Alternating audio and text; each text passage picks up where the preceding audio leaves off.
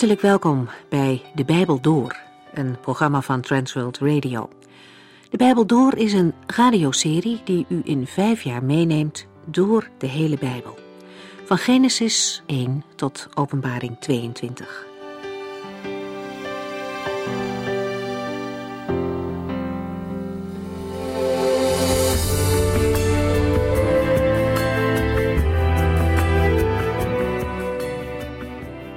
We lezen in het eerste hoofdstuk van het Bijbelboek Habakkuk.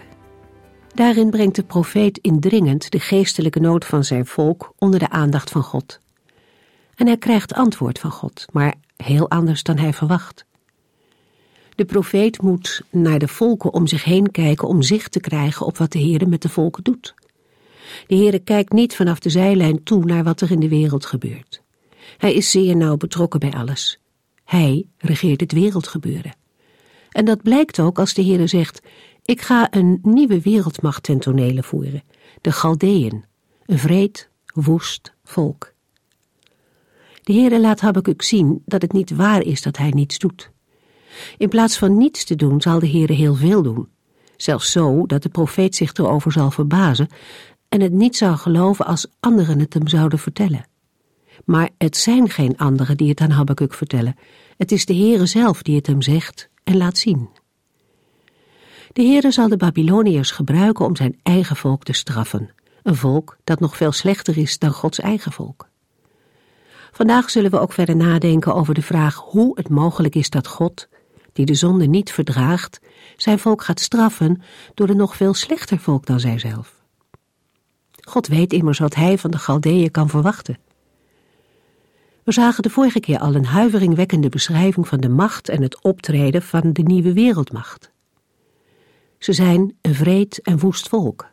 Geweld is hun handelsmerk.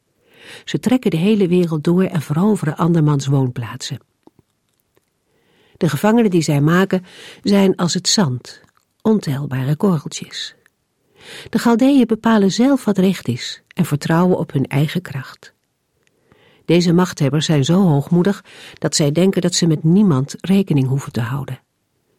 Ze doen wat zij willen en wat goed is in eigen ogen. Zij hanteren hun eigen normen en dienen alleen hun eigen belang. Levensstijl die ook in onze maatschappij herkenbaar is. Het is de levensstijl van de eindtijd, het laatste der dagen. Maar uit de hele beschrijving blijkt dat de Heere vooraf wist wat er ging komen en dat hij het volledig in de hand had. De Heere God heeft de nieuwe wereldmacht wel ten tonele gevoerd, maar hij staat erboven. En laten we dat allemaal goed vasthouden.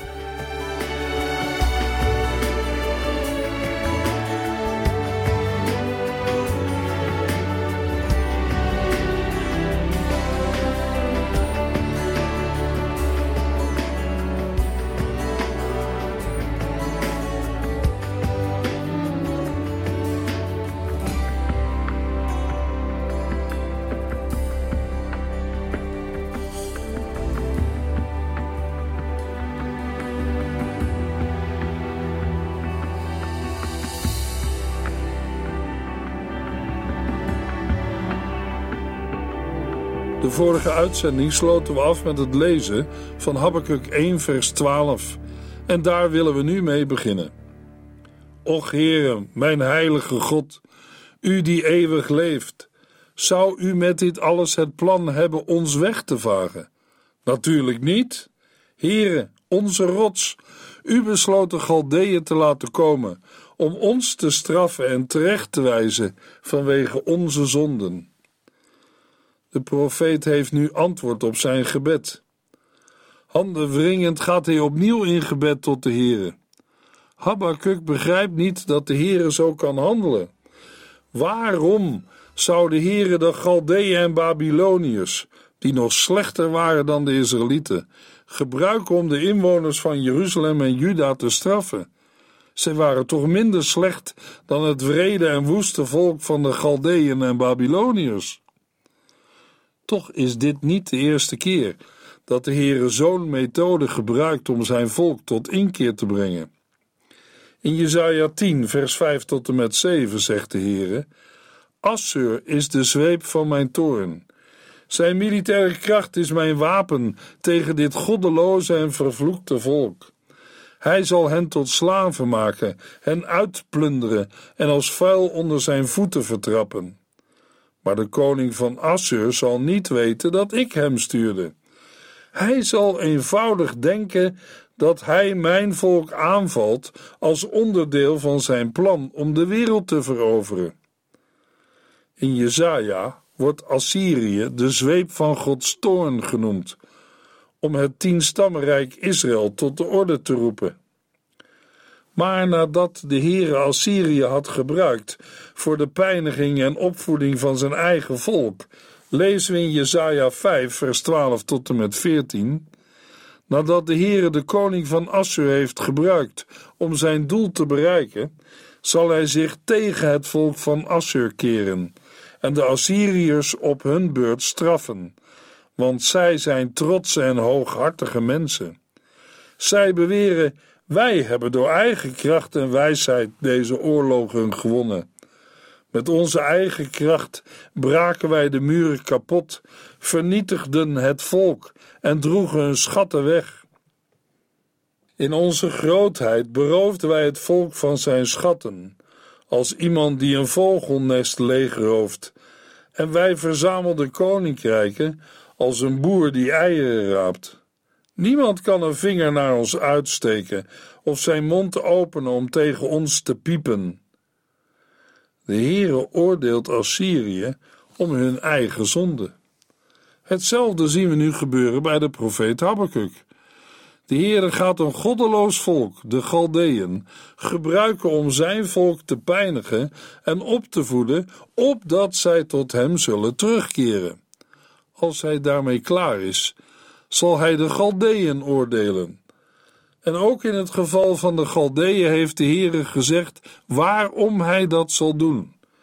In vers 6 en 11 lazen we: De Galdeën zijn een wreed en woest volk, maar hun schuld is groot, want zij maken van hun kracht hun God. Maar bij deze woorden komt mogelijk de vraag op: hoe kan een heilig God een zondig volk gebruiken om zijn doelen te bereiken? Voor veel mensen is dat geen logische gedachte, als ook verrassend. De vraag is ook begrijpelijk, omdat wij mensen vaak denken in de trant van: als je goed je best doet, zal God je zegenen. En als je dat niet doet, zal God je ter verantwoording roepen en uiteindelijk straffen. Maar iets dat in onze ogen goed is, heeft niet de garantie dat de Heere er ook zo over denkt.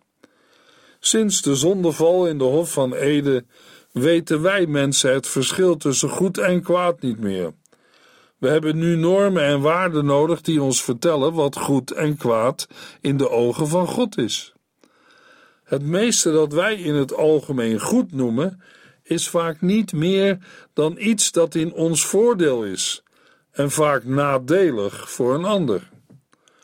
Om een voorbeeld te noemen, en het gestelde te illustreren lees ik een gelijkenis van de Heer Jezus uit Lucas 12, vers 13 tot en met 21.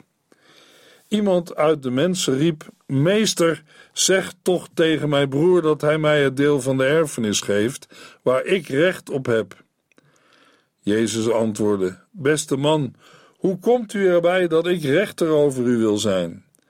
Met erfeniskwesties houd ik mij niet bezig. Dat is nou iets waarvoor u moet oppassen, zei hij tegen de mensen. Verlang niet steeds naar dingen die u niet hebt, want het leven bestaat niet uit het hebben van veel spullen. Hij maakte dit duidelijk met een gelijkenis. Een rijk man had heel vruchtbaar land, en de oogst was zo groot dat hij niet in de schuren kon. De man vroeg zich af waar hij alles moest laten. Ineens wist hij het. Ik breek mijn schuren af en zet er grotere voor in de plaats, zei hij. Dan heb ik ruimte genoeg om alles op te slaan. Als het klaar is, zal ik tegen mezelf zeggen: Je hebt voor jaren genoeg. Rust eens lekker uit, eet, drink en geniet. Maar God zei tegen hem: Dwaas, vannacht zult u sterven. En wie krijgt nu alles wat u achterlaat? Zo gaat het met iemand die altijd maar meer wil hebben, maar in Gods ogen een armoedzaaier is. De context is in Lucas anders dan in het Bijbelboek Habakkuk. Toch kan de gelijkenis van Jezus ons helpen. In een andere vertaling zegt de Heer Jezus tegen de mensen in vers 15: Pas op, hoed je voor iedere vorm van hebzucht, want iemands leven hangt niet af van zijn bezittingen, zelfs niet wanneer hij die in overvloed heeft. In Lucas gaat het om een probleem met een erfenis, en een van de betrokkenen vraagt de Heer Jezus om hulp. Maar Jezus geeft als antwoord: Mens, wie heeft mij als rechter of bemiddelaar over jullie aangesteld? Uit de woorden die de Heer Jezus in vers 15 gebruikt, blijkt over welk mens het hier gaat, namelijk over een mens met een hebzuchtig hart. Dat blijkt ook uit de verdere inhoud van de gelijkenis. Waarom noemt Jezus deze man dwaas? Ten eerste moeten wij bij het woord dwaas in de Bijbel niet aan de betekenis van dom denken. Het is geen gebrek aan intelligentie. Dwaze mensen kunnen in de Bijbel mensen met een hoog IQ zijn. Volgens de Bijbel is een dwaas iemand die niet rekent met God. In Psalm 14, vers 1 staat: Dwaze denken, er is geen God. Daarmee wil niet direct het bestaan van God worden ontkend, maar wel dat in de praktijk van het dagelijks leven niet met het bestaan van God wordt gerekend. Voor een dwaas is God een factor die je kunt verwaarlozen, de sluitpost van de begroting van het leven. Zo was het ook bij de rijke dwaas in de gelijkenis van de Heer Jezus. Hij was niet dom, dat blijkt wel uit zijn plannen. We lazen: Ik breek mijn schuren af en zet er grotere voor in de plaats, zei hij. Dan heb ik ruimte genoeg om alles op te slaan. Als het klaar is, zal ik tegen mezelf zeggen: Je hebt voor jaren genoeg. Rust eens lekker uit, eet, drink en geniet. De man ging bijzonder uitgekookt te werk. En toch was hij dwaas. Waarom? Omdat hij niet rekende met God. Toen zijn akkers geweldige oogsten opbrachten, overlegde hij bij zichzelf. Hij ging bij zichzelf te raden wat hij met de opbrengsten van zijn land moest doen. Dat was zijn dwaasheid. Hij vroeg niet aan God: Wat wilt u dat ik doen zal? Zelf kon hij geen zaadje laten groeien, ook al had hij nog zo hard gewerkt en zich ingespannen om alles zo goed mogelijk te doen. Hij had geen greep op de regen en de zon, maar toch mocht God er niet aan te pas komen toen het erom ging hoe hij zijn oogsten en opbrengsten zou besteden. De man zei: Ik breek mijn schuren af en bouw grotere, waar ik al mijn graan en goederen kan opslaan. En dan zal ik tegen mezelf zeggen: Je hebt veel goederen in voorraad, genoeg voor vele jaren. Neem rust, eet, drink en vermaak je. Was dat niet verstandig? Mocht hij zijn oogsten niet opslaan? Wat is daar nu verkeerd aan? Op zich niets. Maar bij de beantwoording van die vraag moeten we ons wel verplaatsen naar de situatie en omstandigheden in het Midden-Oosten. In die dagen was het opslaan van oogsten veelal een kwalijke zaak. Een aanknopingspunt daarvoor vinden we in Spreuken 11, vers 26, waar we lezen: Wie zijn graan vasthoudt, wordt door het volk vervloekt. Wie het verkoopt, wordt gezegend. Waarom het in die dagen zo erg was om graan vast te houden, laat zich raden. In de tijd van de graanoogst was er een groot aanbod aan graan. Door het grote aanbod waren de prijzen laag. Daarom waren verkopers er vaak op uit om het graan of koren zo lang mogelijk vast te houden. Daar zaten een aantal risico's aan, want juist door het vasthouden van het graan kon er een situatie ontstaan waarin er gebrek aan graan of koren was. In extreme gevallen kon er zelfs een hongersnood uitbreken. Verkopers speculeerden op zo'n situatie. Het dreef de prijs omhoog. In die tijd was het ook niet mogelijk om op korte termijn graan uit andere landen te importeren. In een situatie van schaarste of hongersnood konden de verkopers het graan voor woekerprijzen verkopen. En de rijken waren dan in het voordeel. Nee, dan werd er door de verkopers niet gedacht aan het feit dat zij de oorzaak van de ellende waren, omdat ze veel geld wilden verdienen. Zij dachten ook niet aan de arme mensen in het land die er de dupe van waren. Zij konden het dure graan niet kopen, omdat zij de hoge prijzen niet konden betalen en dreigden van de honger om te komen. De verkopers en handelaren dachten bij het vasthouden van het graan vaak alleen maar aan zichzelf. Met deze achtergrond kunnen we de woorden uit Spreuken 11 vers 26 wel begrijpen. En met die wetenschap moeten wij ook de handelwijze van de rijke dwaas uit de gelijkenis van de Heer Jezus beoordelen. Het was geen wijs beleid dat hij de opbrengsten van zijn land vasthield. Er was ook sprake van hebzucht. Waarom zou de Heer Jezus anders in vers 15 tegen de mensen zeggen: Verlang niet steeds naar dingen die u niet hebt, want het leven bestaat niet uit het hebben van veel spullen. Jezus zegt het in de gelijkenis zo sterk mogelijk. De rijke dwaas wilde al zijn graan en al zijn goederen opslaan. Hij wilde de mogelijkheid hebben om voor vele jaren zijn goederen en voorraden vast te houden. Waarom? Om er zo lang mogelijk zelf van te genieten. Want hij zei tegen zichzelf: Neem rust, eet, drink en vermaak je. Zo kon hij met zijn grotere schuren de slechtste tijden afwachten om dan zijn slag te slaan en grote winsten te maken. Zo zat hij, naar zijn eigen mening, op rozen, ook al ging dat ten koste van velen en van de armen in de eerste plaats. De rijke dwaas wilde al zijn graan en al zijn goederen opslaan. Het geeft aan dat er niets of heel weinig op het land overbleef of was blijven liggen. U weet mogelijk dat de Heere God in de wet van Mozes verschillende instructies had gegeven ten gunste van de armen in Israël. Denk aan de geschiedenis van Rut. Zij mocht op het land van Boas oprapen wat de maaiers hadden laten liggen. Maar op het land van de rijke dwaas bleef niet veel achter voor de armen. Maar dat deerde hem niet, als hij het maar goed had en kon eten, drinken en vrolijk zijn. Zo had de man bij zichzelf gedacht. Het zet ons even stil bij de levensstijl van veel mensen vandaag en onze eigen levensstijl. Hoe vaak denken wij: ik doe wat ik wil of dat maak ik zelf wel uit. Maar dan komt in de gelijkenis de omslag. We lezen het in vers 20 en 21. Dwaas, vannacht zult u sterven, en wie krijgt nu alles wat u achterlaat? Zo gaat het met iemand die altijd maar meer wil hebben, maar in Gods ogen een armoedzaaier is. Er was bij alles wat de rijke dwaas had overwogen en bedacht één maar, het maar van God. De man uit de gelijkenis was van mening dat hij aan alles had gedacht en op alles was voorbereid. Volgens hem had hij alles ingecalculeerd. Alles?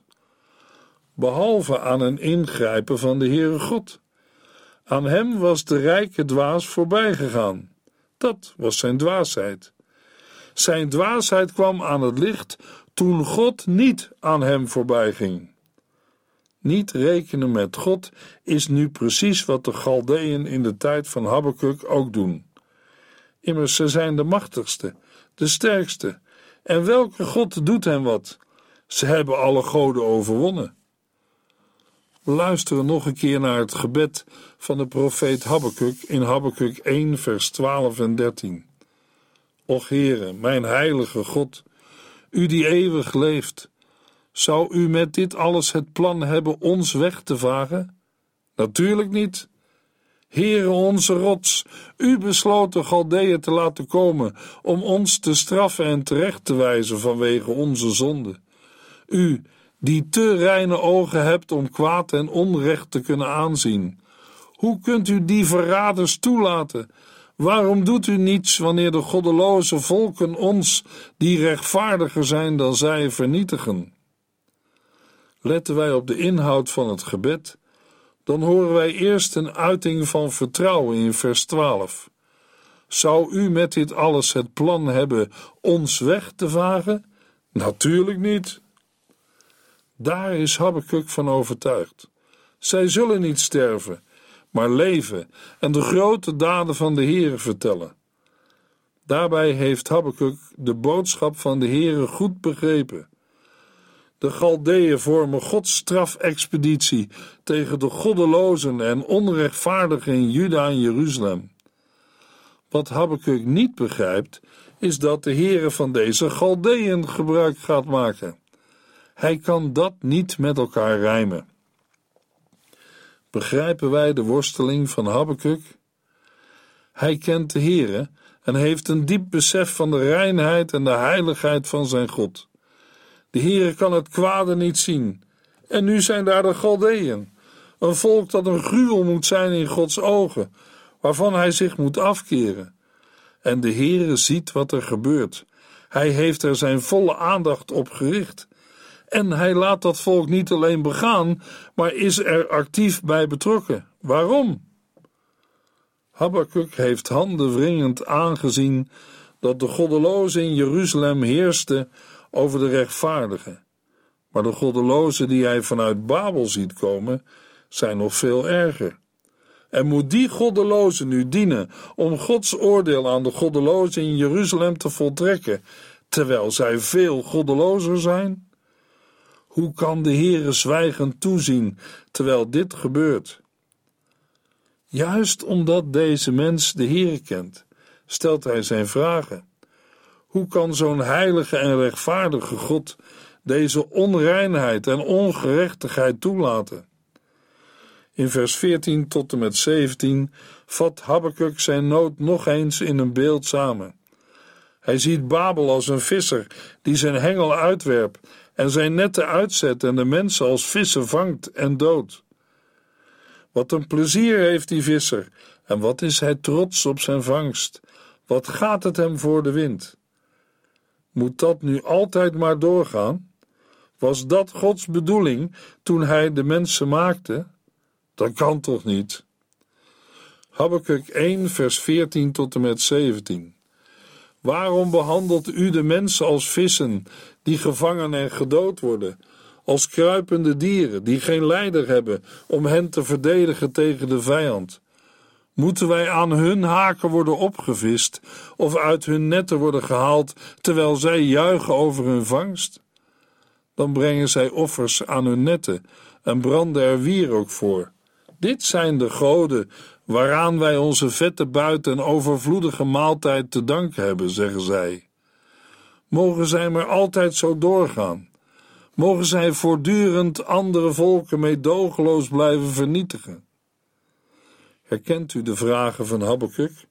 Het zijn geen nieuwe vragen. Habakkuk's vragen zijn vragen die in alle tijden gesteld kunnen worden. Ook voor ons zijn deze vragen bepaald niet uit de tijd. Hoe kan God het toelaten? De vraag wordt nog niet beantwoord, maar ze wordt wel gesteld. Door een gelovige, door iemand die de Heer kent. Terwijl een ongelovige mogelijk zegt: Als dat een God van liefde is, dan hoeft het voor mij niet meer. Gaat een gelovige met zijn of haar waaroms naar God? En desnoods, net als Habakkuk, opnieuw naar de Heere, die God die hij niet altijd begrijpt, maar ook niet wil en kan loslaten.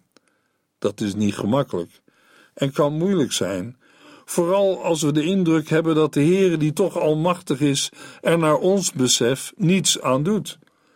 En zoals we het nu bij Habakkuk meemaken, het kan nog moeilijker zijn als wij ontdekken dat het de Heere is die juist goddelozen als zijn zweep gebruikt en het blijkbaar zo wil. Maar ook dan gaat de gelovige met zijn waaroms toch weer naar God, met de nood van hun leven, met het onbegrijpelijke kruis dat zij moeten dragen, met hun kinderen en kleinkinderen, met hun huwelijk, met hun gezinsleven waarin zoveel niet goed gaat. Ja, zij gaan ook met de nood van de kerk of de christelijke gemeente en met de ellende van de wereld naar de Here. Zij gaan vrijmoedig tot de troon van genade en leggen in gebed alles voor de Heere neer. De Heere heeft een oprechte bidder nog nooit laten staan, ook als er vragen zijn. Ook als zij moeten bidden, Heere, waarom?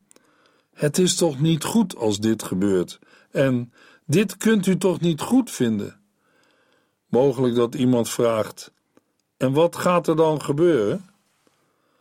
Dan komt er meestal niet meteen een antwoord op onze waaroms. Maar een gelovige krijgt in de ontmoeting met God weer meer zicht op Hem. En dan word ik stil. Ik zie dan weer beter wie de Heer is. Die God die, om het met woorden uit het Nieuwe Testament te zeggen, zijn eigen zoon niet ontzien heeft, maar hem ten behoeve van ons allemaal heeft uitgeleverd. Zal hij, nu hij zijn zoon heeft gegeven, ons dan ook niet alles geven? Ik eindig deze uitzending met woorden van David uit Psalm 62, vers 8b tot en met 13. Alleen bij God kan ik altijd schuilen. Hij beschermt mij. Volk, stel altijd uw vertrouwen alleen op Hem. Vertel Hem alles en houd niets voor Hem verborgen. Bij God kunnen wij altijd schuilen, Hij beschermt ons. Mensen stellen in Gods ogen zo weinig voor. Armen zijn als een ademtocht en rijken vaak onwaarachtig. Als hij hen weegt, gaat de weegschaal omhoog. Zo gering is de mens vergeleken bij hem. Hecht geen waarde aan verdrukking. Verwacht niets van onrechtmatige opbrengsten. En als u rijk wordt, laat het uw leven met God dan niet beïnvloeden. God heeft het zelf gezegd. Meermalen heb ik het gehoord. Alle kracht komt van God. Heren, ook de goedheid en trouw komen alleen van u. Iedereen ontvangt van uw loon naar werken. In de volgende uitzending lezen we verder in Habakkuk.